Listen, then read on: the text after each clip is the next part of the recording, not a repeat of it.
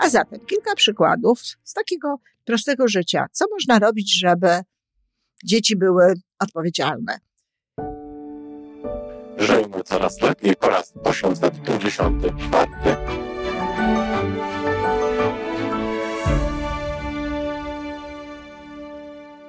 Witamy w miejscu, gdzie wiedza i doświadczenie łączą się z pozytywną energią.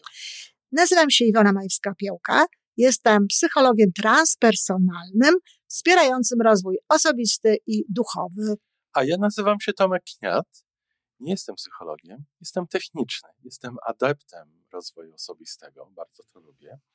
Razem tworzymy podcast, właśnie ten, którego słuchanie powoduje, że naprawdę żyje się coraz lepiej. Wiemy to, bo tak nam mówią nasi słuchacze. Zapraszamy do wysłuchania kolejnego odcinka i mamy nadzieję, że nowe głosy dołączą do tych, że warto nas słuchać. Dzień dobry. Dzień dobry wszystkim, których los dzieci interesuje, którzy chcą, aby dzieci były szczęśliwe teraz i rozumieją, że to w znacznym stopniu przyczyni się do tego, że z tych dzieci wyrosną kiedyś szczęśliwi i odpowiedzialni dorośli ludzie. No właśnie, odpowiedzialni. W ostatnim odcinku mówiłam o odpowiedzialności, mówiłam, czym ona jest i e, czy można tej odpowiedzialności oczekiwać od dzieci, jak uczyć dzieci tej odpowiedzialności. Dzisiaj chcę podać kilka przykładów. Kilka przykładów z życia, z mojego życia, z tego, co ja robiłam ze swoimi dziećmi. Natomiast muszę powiedzieć, bo to jest bardzo ważne i słowo muszę jest tutaj rzeczywiście istotne, że o ile jakieś historie ze swojego macierzyństwa odrabiałam i przepraszałam, jak wszyscy wiedzą, swoją szczególnie starszą córkę za swoje pewne zachowania, chociaż trzeba było poświęcić trochę czasu w dorosłym życiu Magdy na to, aby nasze relacje stały się tak piękne i tak, tak dobre, jak prawdopodobnie obie chciałyśmy, ja na pewno, i jakie w tej chwili są. Natomiast jedną cechę, jaką z całą pewnością pomogłam moim dzieciom wyrobić, bo to nie jest tak, że to jest udział tylko rodziców, czyli to jest udział tylko mój, to jest również współpraca dzieci, no ale te, te ruchy rodziców są bardzo istotne. To jest właśnie odpowiedzialność. Odpowiedzialność i proaktywność. Moje dzieci są naprawdę, to znaczy to są dorosłe osoby, ale są one nadzwyczajnie odpowiedzialne. Wprost. Czasem nawet się dziwię, bo no cóż, powiedzmy to szczerze, mam wrażenie, że w pewnych kwestiach są bardziej odpowiedzialne niż ja. E, szczególnie młodsza córka, której odpowiedzialność przenosi się nie tylko na jej najbliższy krąg e, zainteresowań, nie tylko na relacje rodzinne czy pracę zawodową, ale na przykład na środowisko, czy na przykład na mm, sytuację e, społeczną w miejscu, gdzie mieszka przede wszystkim, ale także w kraju, na świecie. Podobnie jest z moją Magdą, czyli ta ich odpowiedzialność weszła w takie kręgi, e, których ja, tak, które tak naprawdę ja poznaję od nich i od nich się uczę. Taka jest prawda, ale jeśli wszystko jest w porządku, to rodzice uczą się od swoich dzieci. Uczą się przez cały czas, ale uczą się również wtedy, kiedy ich dzieci stają się już dorosłymi osobami.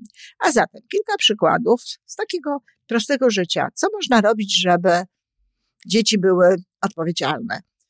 W szkole jest takie ćwiczenie w, na biologii, na przyrodzie, w zasadzie w większości wypadków, w większości szkół. To, to było i u, u mojej Weroniki, no, u Magdy, która chodziła do polskiej szkoły jeszcze w tym wieku, hodowanie fasolki.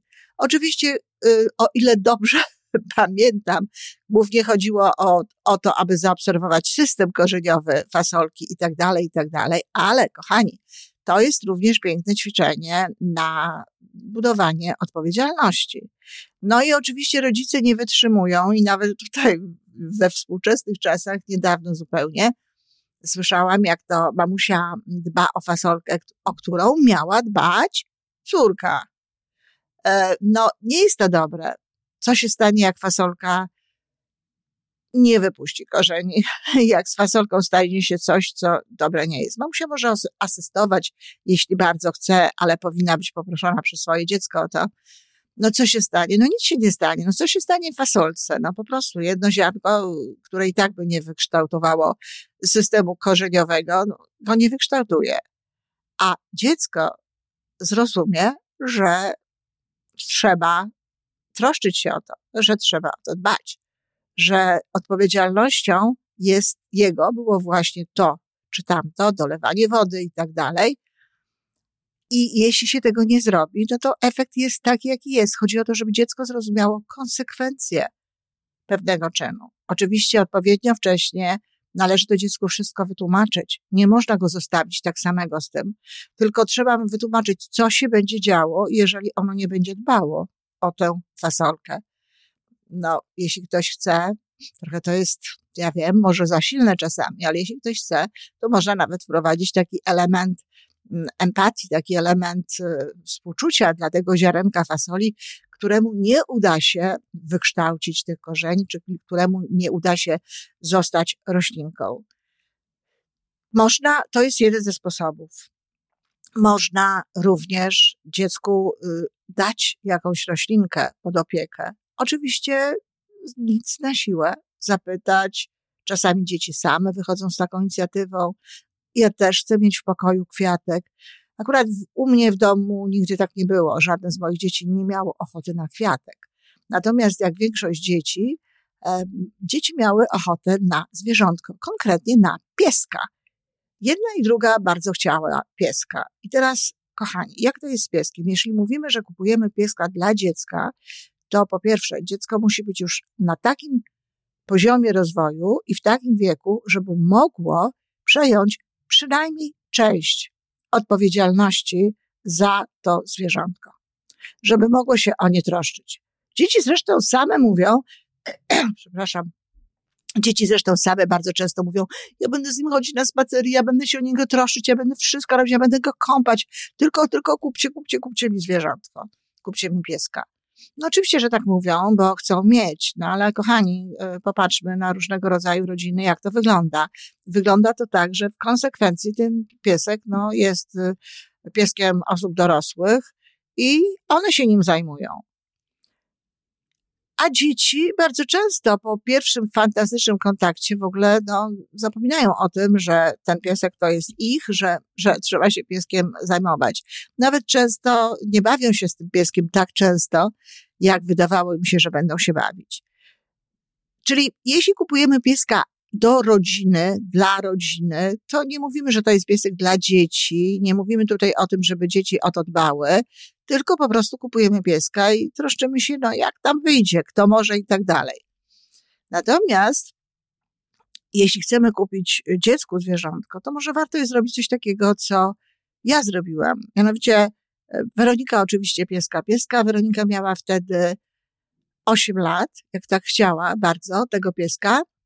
Ja jej zaproponowałam, żeby może zacząć od jakichś zwierzątek takich e, mniejszych mniejszych, łatwiejszych y, w, w troszczeniu się o te zwierzątko, bo umowa była taka, że jeśli te zwierzęta będą, to to są zwierzęta, które ona się troszczy.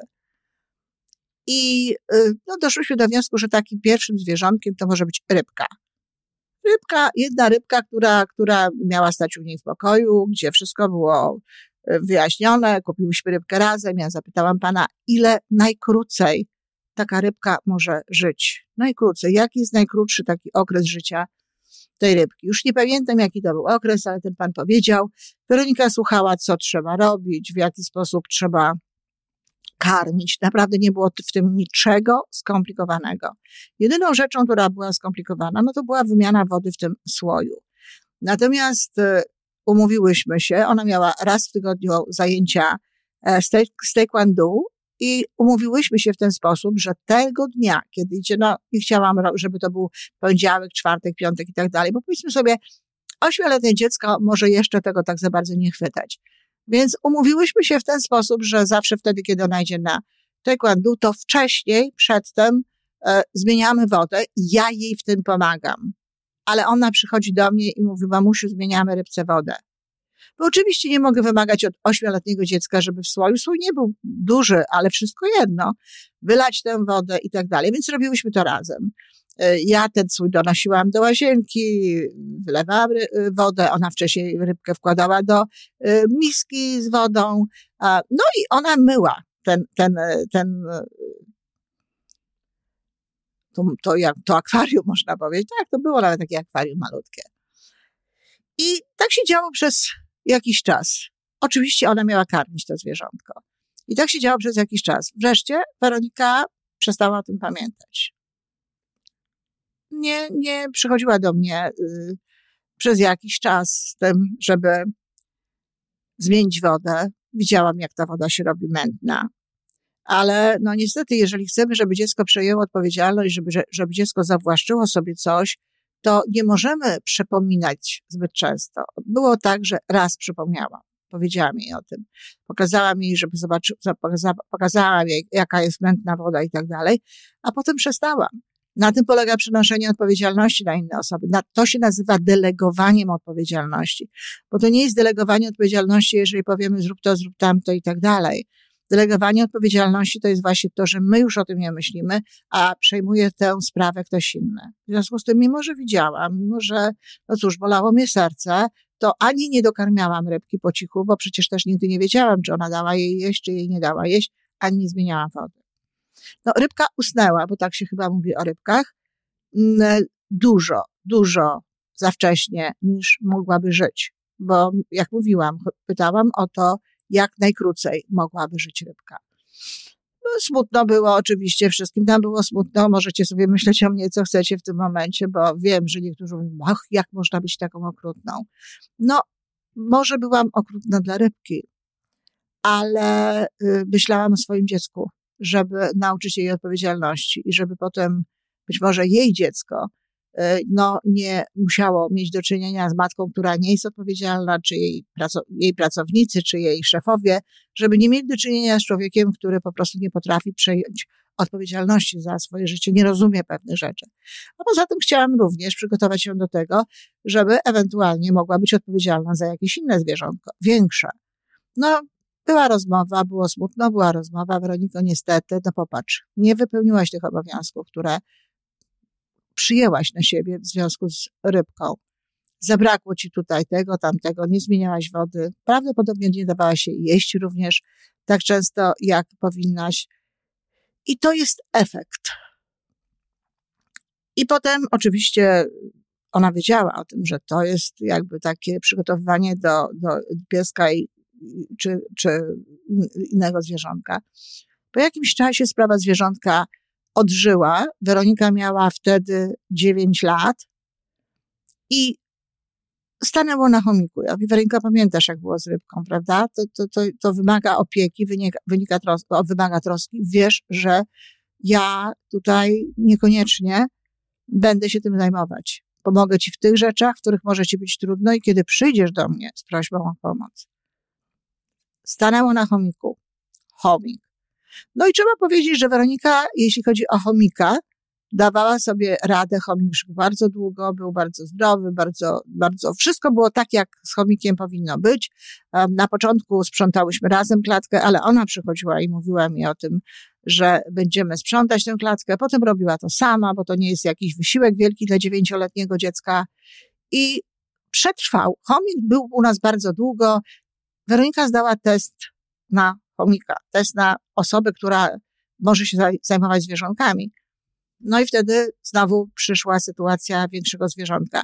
Niestety w jakimś tam momencie, no chomik po prostu umarł. No zwierzęta y, umierają, to jest normalne, żyją krócej, zwłaszcza chomiki, niż ludzie.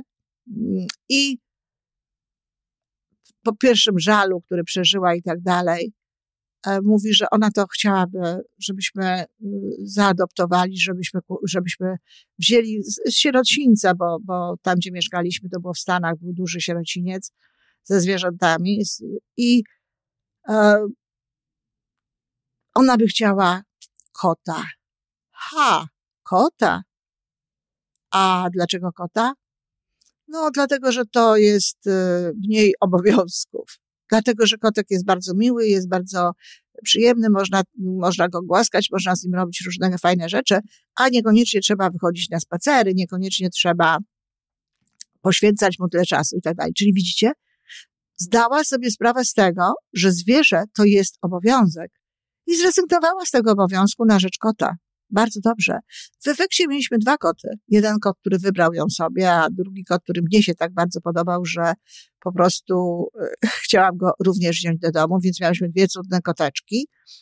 Przez wiele, wiele lat Weronika była z tymi kotami. Jeden miał 20 lat, kiedy umarł, drugi miał 21 i przez cały czas potem Weronika, a jej losy były różne, Weronika zajmowała się tymi kotami. Zajmowała się zresztą nie tylko tymi kotami, ale wzruszała mnie, kiedy na przykład y, niewielkie pieniądze, jakie miała jako, jako studentka, no i oczywiście pracująca gdzieś tam e, dorywczo, wydawała na przykład na to, żeby kotu takiemu, żeby kota takiego nie wiadomo jak, no przybłędę trochę, nie wiadomo czyjego kota, który kręcił się koło domu, w którym mieszkała, na przykład e, zawieźć do weterynarza. Jedna z tych naszych kotek pod koniec miała e, chorobę nerek i Weronika również bardzo się troszczyła o to zwierzę. Teraz jest dorosła. Ma psa i kota. I chodzi z tym psem na spacery, uwielbia tego psa i tak dalej. Wtedy, w tamtym momencie zrozumiała, że może jej zabraknąć odpowiedzialności, Oczywiście nie nazywała tego w taki sposób, do tego, żeby się tym zająć. I o to chodzi. Dlatego, że jeżeli ktoś przyjmuje odpowiedzialność, to musi zdawać sobie sprawę z tego, że będzie się w stanie wywiązać z tych obowiązków, że będzie się w stanie, że będzie w stanie zrobić to. Ale właśnie tak robimy. Zawłaszczyć sytuację. Zawłaszczyć sytuację po to, żeby później a, czuć, że to od nas zależą pewne rzeczy, przejąć odpowiedzialność i robić, wiedząc, że jeśli tego nie zrobimy, no konsekwencje będą nie najlepsze. Także jest to jeden ze sposobów na uczenie odpowiedzialności. Wcześniej mówiłam trochę o, fa o fasolce. Opowiem Wam, kochani, jeszcze jedną y, historię, to znaczy jeszcze może jakieś dwie historie w następnym spotkaniu, bo nie chciałabym, aby to trwało za, jak zbyt długo.